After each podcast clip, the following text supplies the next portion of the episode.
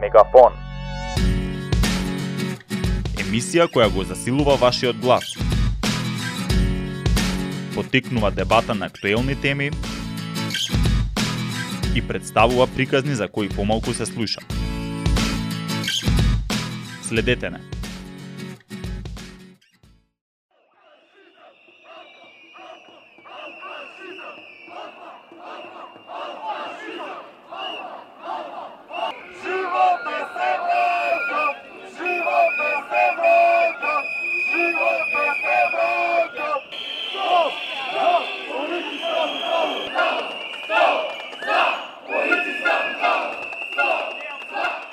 Ова се извисите што пред 10 години одекнуваа по скопските улици.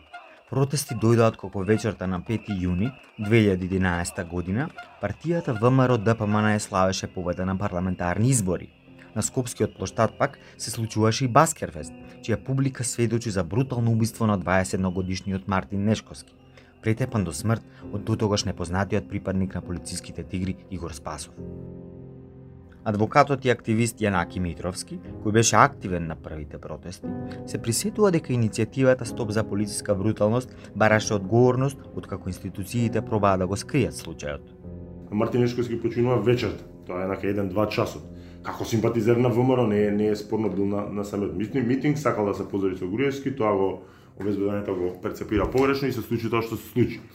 Меѓутоа, во 9 часот са Бајле Тоа е потврдено од судска медицина од тогашниот прв човек Дума, дека во 9 часот са на маса министерката имала извештај дека се работи за насилна смрт.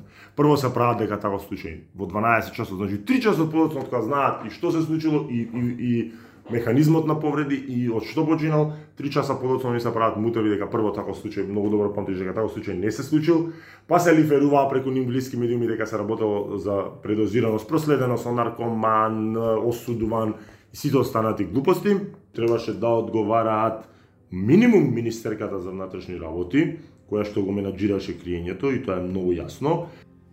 Во јавноста се крие и дали Тигарот Спасов бил на службена должност и дали некој му помогнал при бруталниот акт. Тоа го потврдува и Моника Јовановска, тогаш новинарка на порталот Нетпрес.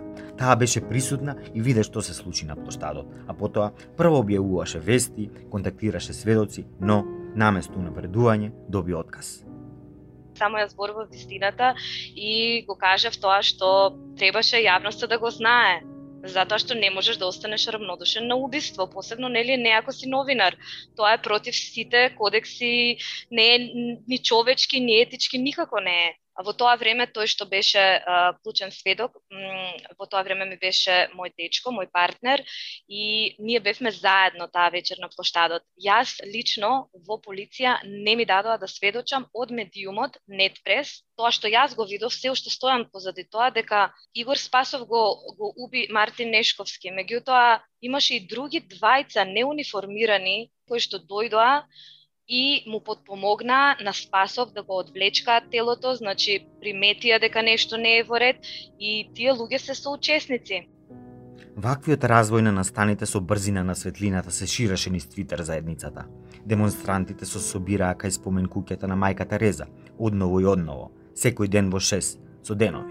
Александар Митров, тогаш активен со движењето Ленка, се сеќава дека се приклучил инстинктивно, бидејќи беше обиено младо момче, а второ, вели тој, чувствувал потреба за борба и против системот и против полицијата, како експоненти на тортура. Беа тие протести некој почеток на на грасрут организирање, значи на улица на улица правиме некои институции, се собираме како ќе се организираме за наредните денови, како ќе собираме пари ако ни треба за нешто. И многу е битно дека тогаш исто бевме со различни погледи идеолошки на светот, ама главно имавме како една заедничка обединување како борба за слобода или укинување на на силата на полицијата која што тогаш имавме, скоро сите имавме ние нешто искусено како полициска репресија на помал, пониско ниво или на повисоко. Демонстрантите артикулираа незадоволство преку разни активности и перформанси. Мегафонот кај мајка Тереза се подаваше од еден човек до друг. Се шираа идеи, насоки, предлози како да се направи протестен марш, каде да се направи, како да се изврши притисок врз институциите. Така произлегоа и конкретни барања, од одговорност за соучесници, па се до полициски и политички реформи. одговорност се баравме у сите министри на назад, сите партии кои што владееле претходно, така нашите барања беа јас, јасни и издржани, затоа и реални. Е сега дали тоа на системот и на партиите им одговараше, се покажа дека не. Адвокатот Митровски смета дека токму барањата ги расцепкало демонстрантите, ја разводенило работата.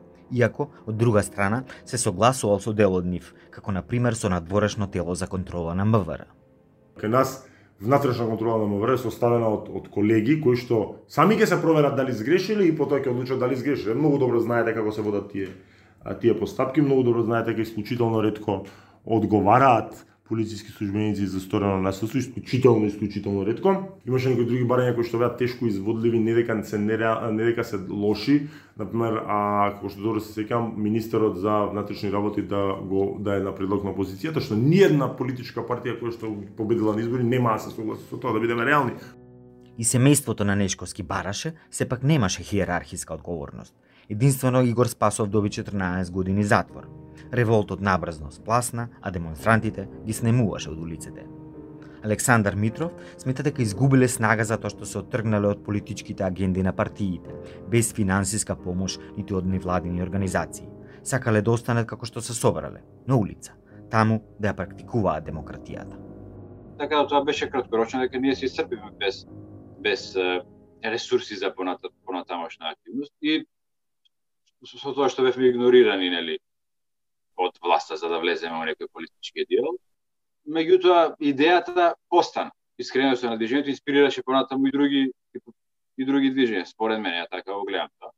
Меѓутоа, ги разбирам тие што се разочараат, тие што имале непосредно силно очекување дека нешто може веднаш да се смени, тие брзо се разочаруваат. Веројатно тие и после и гласаат на избори, и пак веруваат нешто ги смени, пак се разочаруваат, и пак ќе гласаат за да ги се разочаруваат, се треба подолгорочно да се застапиме за некоја политичка идеја и да стоиме по и да трпиме и разочарување. Во наредните години се случи социјалната иницијатива Аман, како своевиден продолжеток на протестира.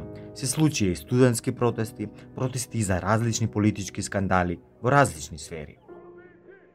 Потоа, објавените преслушувани разговори во 2015 година на опозицијската СДСМ ја турнаа земјата во нова политичка криза – Една од бомбите повторно ја отвори Пандорината кутија токму за случајот Нешковски. Јавноста слушна разговори како високи функционери на ВМРО ДПНН пробуваат да го заташкаат случајот. Пред владата се собираат стотици граѓани. Дел од нив фрлаа предмети и повредија полицајци. За потоа, полицијата немилосрдно да тепа демонстранти, студенти, новинари. Според Митровски, тоа била намерно пуштена бомба за да се подгреат страстите.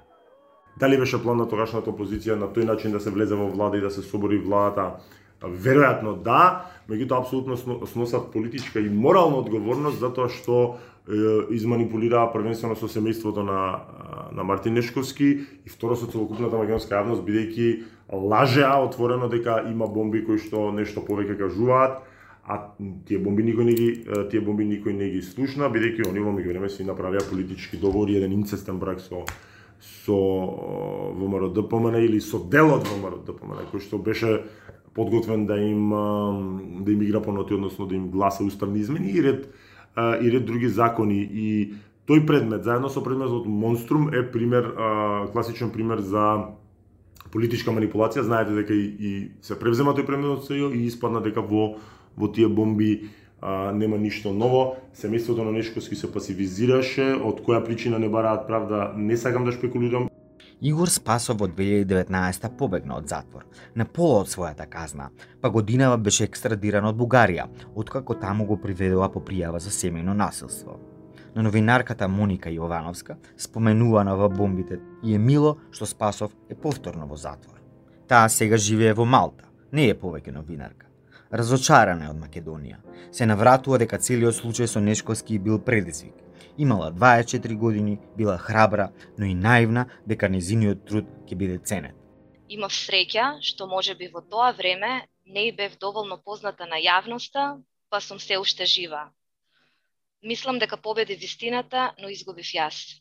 Сите оние луѓе и и сите медиуми во главно, значи медиумите беа тие кои што ме тапшеа по рамо дека а, се соживуваат со мојата ситуација, а, дека кога ќе се промени власта, нели, ќе биде малце поопуштено, ќе има можност да работам повторно како новинарка, ветувања, ветувања, но проме, но после промените тоа не се случи. Не добив ниту една понуда за работа од ниту еден медиум. Тоа е вистината. По 10 години, Јовановска смета дека протестирам е единственото спонтано движење кое се има случајно во државата. Искрени протести треба секогаш да постојат затоа што тоа е здраво за демократијата и им подавам рака и им се поклонувам на, на оние малкуми на луѓе кои што останаа храбри и честни во намерите. Александар Митров пак жали што не се задржала таа мрежа меѓу активистите, иако повторно се гледаат преку Facebook. На одредени иницијативи, на одредени протести, пак се собираат. Ама некои се активирале поише некоја политичка партија, некои поише издиференцирале десничарски движења, некои левичарски, некако тука као се испогубивме по национални прашања, некои се се поделија, така да системот пак не дели. Меѓутоа, тоа што ми се допадна мене у тоа движење, тоа е дека се создаде некоја критична маса на луѓе кои што имаа јасно јасен поглед на светот, тоа е дека главно политичарите до тогаш не се корумпира и не се заинтересира нешто позначајно да смеат. И денес тоа постои, вели тој, а доаѓаат млади генерации што имаат повеќе познавања од кои што имале тие тогаш. Посилно ја гледаат системската дискриминација кај нас и во светот. Затоа, вели тој, постои предпоставка за пак да се излезе на протест.